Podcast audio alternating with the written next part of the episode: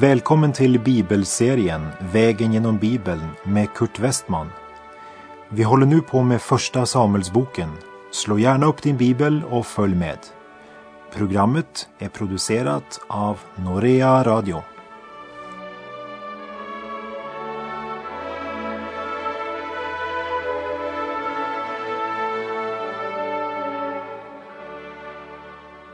Vi har kommit till Första Samuelsbokens 25 kapitel där det berättas om profeten Samuels död och om den rike bonden Naval och hans kloka hustru Avigail. Hon som genom sitt snabba ingripande och sin diplomati hindrar David från att mörda hennes man och alla hans tjänare. Efter att Naval hållit en fyllfest berättar Avigail för honom vad som hänt. Hur David och hans män var på väg och hur hon förhindrat blodbadet genom att rida ut och möta David och hans män med mat och dryck. När Naval hör det drabbas han av slag och därefter sänder David bud för att hämta Avigail och ta henne till hustru. Hon var en klok och god hustru och hon hade en positiv inverkan på hans liv. Vi läser första Samuels bok kapitel 25 och vers 1. Samuel dog och hela Israel samlades för att hålla dödsklagan över honom. Han begrovs i Rama där han hade bott. David hade nu dragit vidare ner mot Paranöknen. När jag nu repeterar två avsnitt från början av Samuelsboken så ska du speciellt lägga märke till orden hela Israel. Vi repeterar först första Samuelsbok 3, vers 19 och 20. Samuel växte upp och Herren var med honom och lät allt vad han sagt gå i uppfyllelse.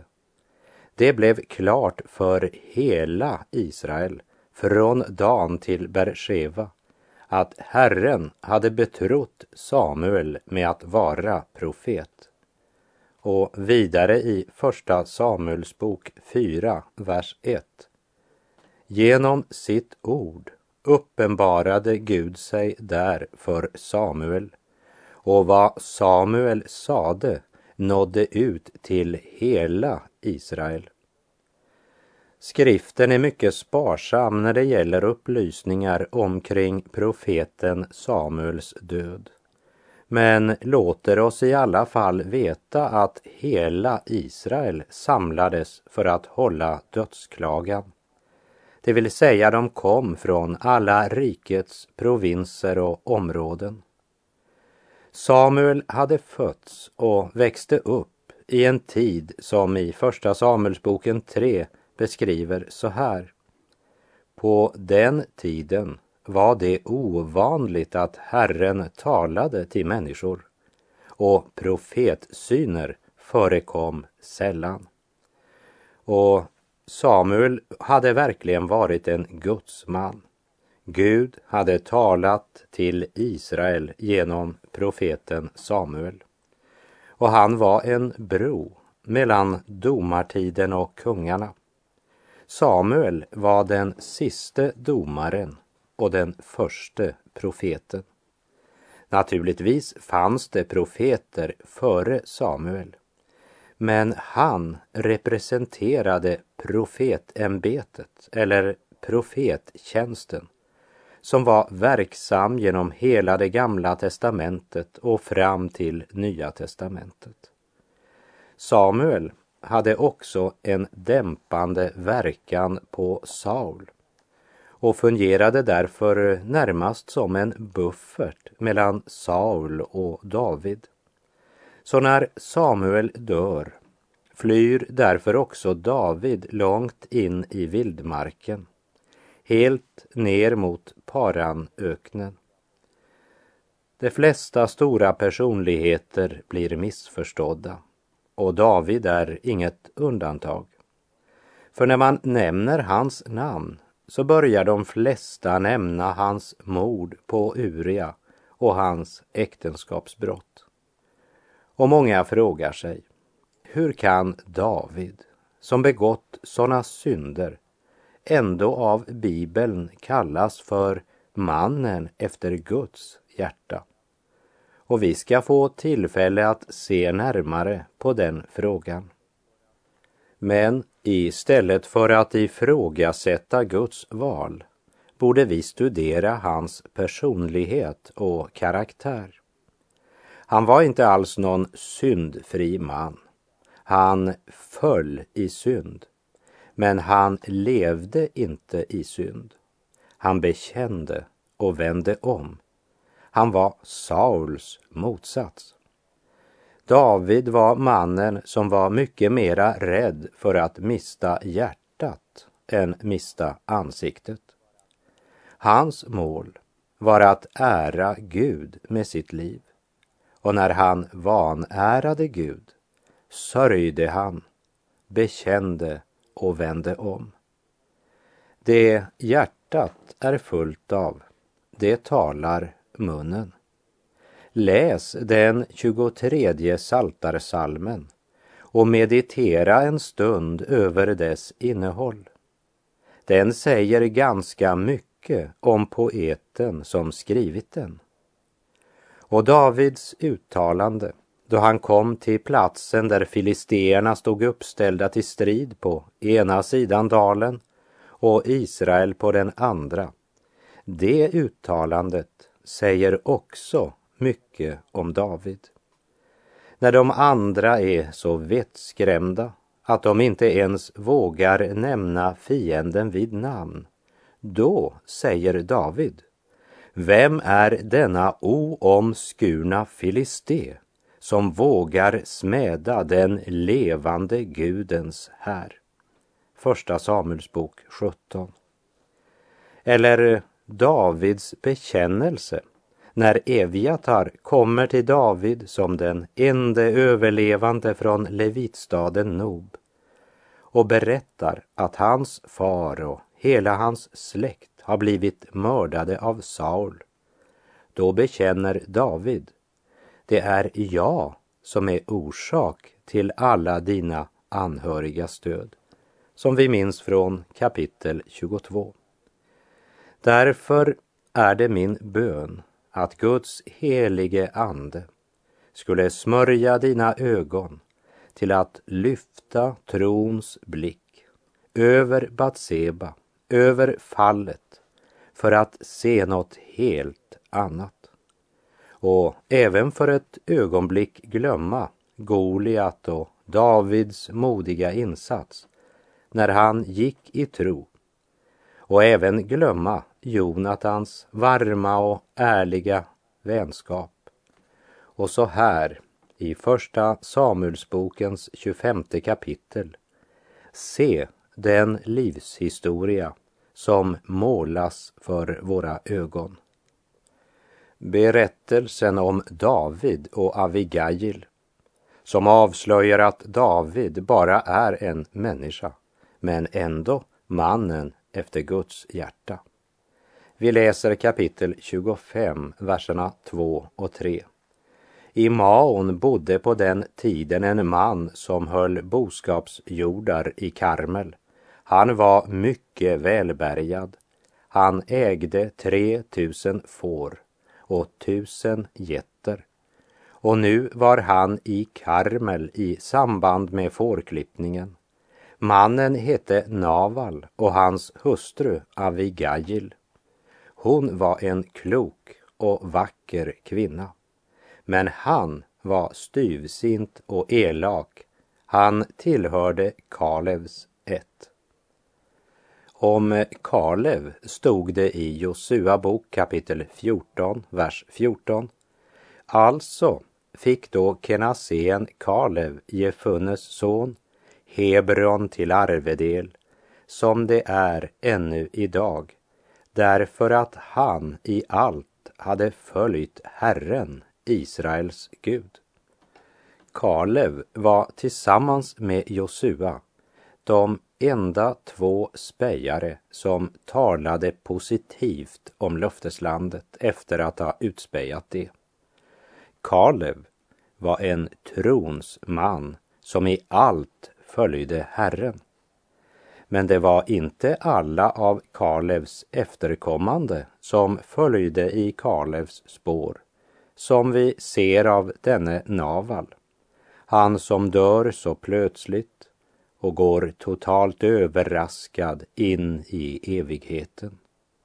Hans stund hade kommit. När Naval blev född gav man honom ett namn som betyder dåre. Jag vet inte varför man gav honom det namnet. Men hur som helst så levde han i alla fall upp till sitt namn. Men låt oss se på våra egna liv ett ögonblick. Har du gjort något dåraktigt någon gång? Ja, vi har nog alla ett och annat i livet som vi helst vill glömma.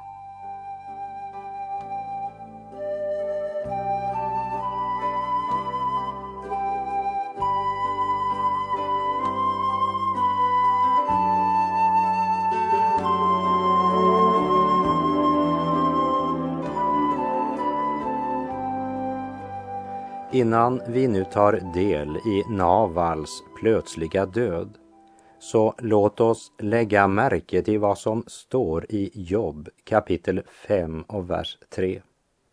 Jag såg en dåre, fast var han rotad, men plötsligt måste jag ropa ve över hans boning. Låt oss ha det ordet från Jobb i våra tankar när vi nu ska möta den rike men ondsinnade Naval egoisten som bedrog sig själv. Vi läser kapitel 25, vers 4 till 8. Då David ute i öknen fick reda på att Naval höll på med fårklippningen i Karmel skickade han tio av sina män till honom för att framföra denna hälsning. Jag önskar dig all lycka och allt gott för dig och din familj och allt du äger. Jag fick höra att du är i färd med fårklippningen. Nu är det så att dina herdar har hållit till hos oss och vi har aldrig gjort dem något för när. Inte heller har det blivit av med något under hela tiden det har varit i Karmel. Fråga själv ditt folk, det kan intyga det. Jag ber dig därför att ta väl emot mina män när de nu har kommit på en festdag och ge av vad du kan ha åt dem och din vän David. David och hans män hade fungerat som ett gott skydd för Navals herdar mot de rövare som härjade i området. Så Naval har på det sättet sparat många, många får och getter. Han har verkligen mycket att tacka David för. Och nu ska Naval klippa sina får, vilket ofta föregick tillsammans med festligheter som motsvarade bärgningshögtiden. I Andra Mosebok 23.16 står det Du ska hålla skördehögtiden när du skördar förstlingen av ditt arbete, av det du har sått på marken. Bärgningshögtiden ska du också hålla vid årets utgång, när du inbärgar frukten av ditt arbete från marken. Där ingick också den skick att fattiga grannar fick en liten del av den rike ägarens vinst. Och det är bakgrunden till att David sänder tio av sina män till Naval för att be om sin del. Det blev ändå bara en ringa betalning för det skydd som David och hans män givit Navals herdar och hur mycket han bör ge indikeras av hur många män David sänt. Vi läser i Första Samuelsbok 25, vers 9 och 10. Då männen kom till Naval framförde de Davids hälsning och väntar så på svar. Men Naval frågade David, vem är det? Vem är Isais son? Det är gott om slavar nu för tiden som rymmer från sina herrar. Naval säger att David har rymt från Saul och svikit. Han betraktar David som olojal. Och vad är väl en man från den ringa Isais släkt när han har kungen mot sig? Vers 11 till 13. Skulle jag ta mitt bröd och mitt vin och det som jag har slaktat för mina fårklippare skulle jag ge det åt folk som kommer från jag vet inte var. Männen vände tvärt och gick tillbaka till David och berättade vad som hade hänt. Spänn på er svärden, sa David till sina män. Och det gjorde alla, också David själv. Sedan drog han upp mot Karmel med 400 man. 200 man stannade i lägret. Navals rikedom får honom att känna sig betydelsefull och stor. Hans eh, herdar har säkert berättat om David, men eh, Naval låtsas som om han inte har hört om honom. Och han förnedrar Davids sändebud genom att säga att de är inte något annat än förrymda slavar. Naval har visat förakt för Davids godhet och Davids tålamod. För David hade aldrig begärt något eller tagit något från Navals jord, utan tålmodigt väntat till fårklippningen. Men Naval han har missförstått Davids godhet och tålamod. Som det står i Romarbrevet 2, vers 4. Bryr du dig inte om Guds oändliga godhet och tålamod? Förstår du inte att hans godhet vill föra dig till omvändelse? Och i Galaterbrevet 6, vers 7. Bedra inte er själva. Gud bedrar man inte. Det människan sår skall hon också skörda.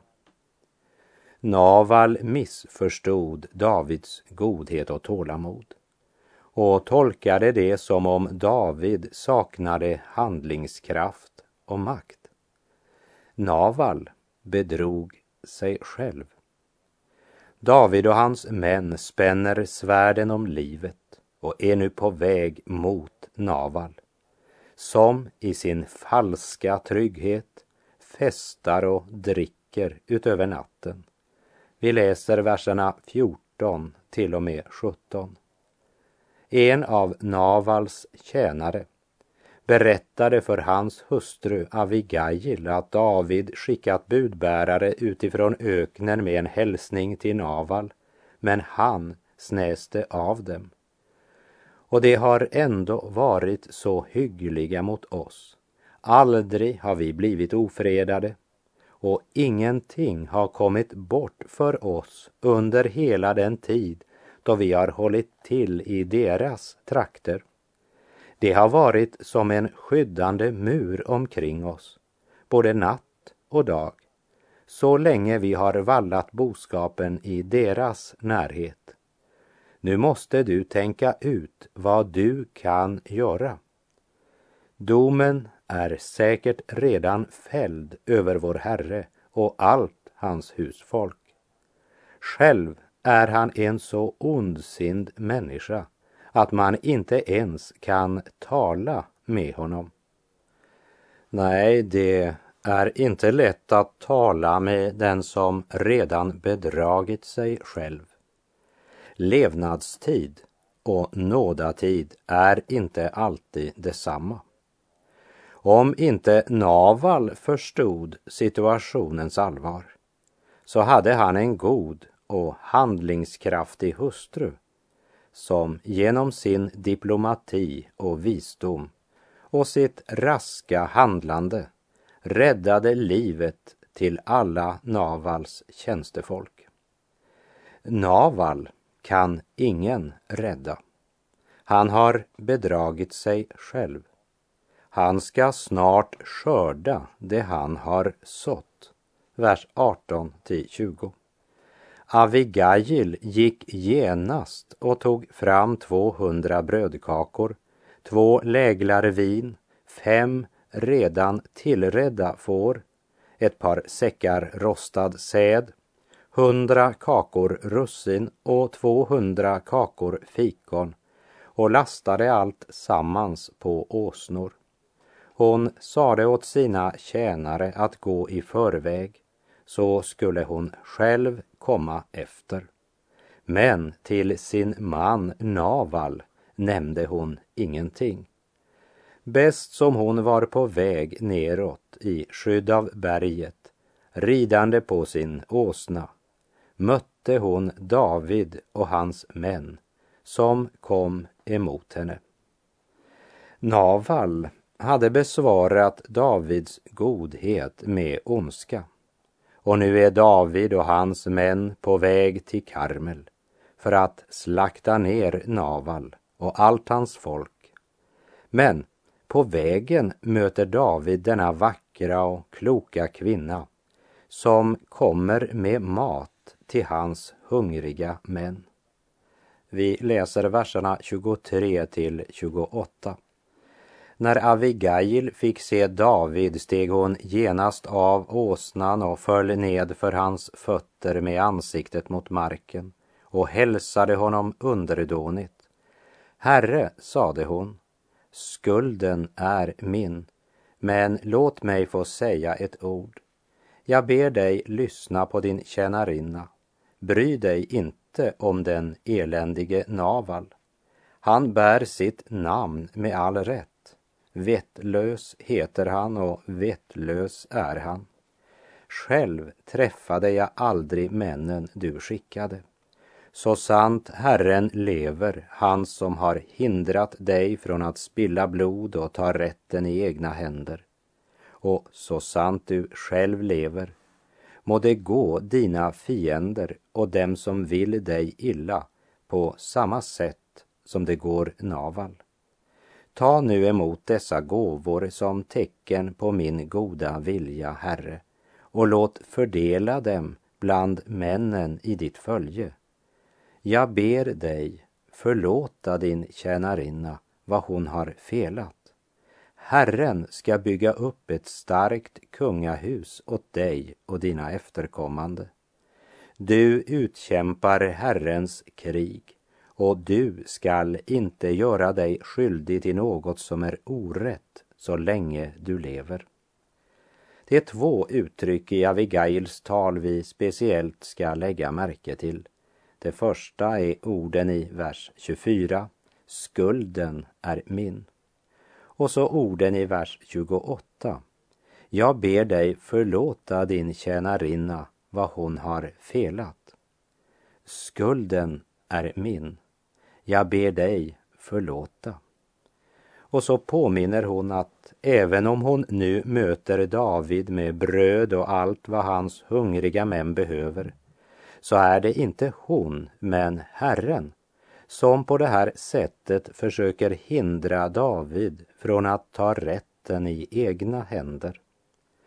Han må inte låta Navals tjänstefolk slaktas ned på grund av den onda och dåraktiga Naval.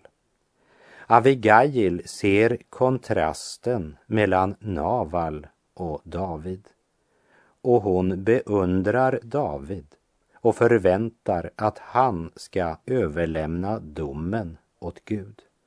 Vers 29. Om någon skulle förfölja dig och stå dig efter livet skall Herren bevara ditt liv som en dyrbar sten. Men dina fienders liv ska han lägga i en slunga och skjuta bort. Även om Abigail inte nämner Saul vid namn så är det honom hon talar om här. Som den som förföljer David. Och så kommer hon med detta fantastiska uttalande. Herren ska bevara ditt liv som en dyrbar sten. Och det är den troendes ställning i Kristus Jesus.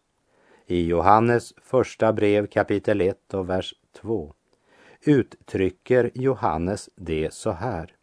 Ja, livet uppenbarades. Vi har sett det och vittnar om det.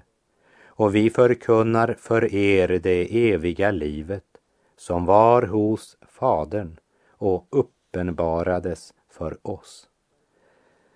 När vi tror på honom och genom tron tar emot Jesus som vår personlige frälsare blir vi av den helige Ande döpta till den kropp som kallas för det troende. I Första Korinthierbrevet 12, vers 13 står det i en ande har vi alla blivit döpta för att höra till en kropp. Vare sig vi är judar eller greker, slavar eller fria. Och alla har vi fått en och samma ande utgjuten över oss. Vi är alla förda in i denna kropp av troende, Kristi kropp, genom vår tro på Kristus. Skriften säger att vi är i Kristus och Herren ska bevara ditt liv som en dyrbar sten. Så påminner Avigail David om att när han nu blir kung behöver han inte förebrå sig för att han utöste oskyldigt blod. Och då må han komma ihåg Abigail som förhindrade att det skedde. Och David säger att han prisar Gud som förde henne i hans väg. Hon har räddat livet på Navals alla tjänare och husfolk. När Avigail kommer hem så finner hon att Naval har hållit en fest som kunnat anstå en kung och själv är han drucken. Men dagen efter när Naval nyktrat till så berättar Avigail om vad som hade hänt och att om inte hon gripit in och medlat så hade Naval och alla i hans hus nu varit döda. Och Naval han får slag när han hör detta och cirka tio dagar senare dör han. Och när David får höra det säger han Herren har hindrat mig från att begå en ogärning och låtit Navals ondska gå ut över honom själv.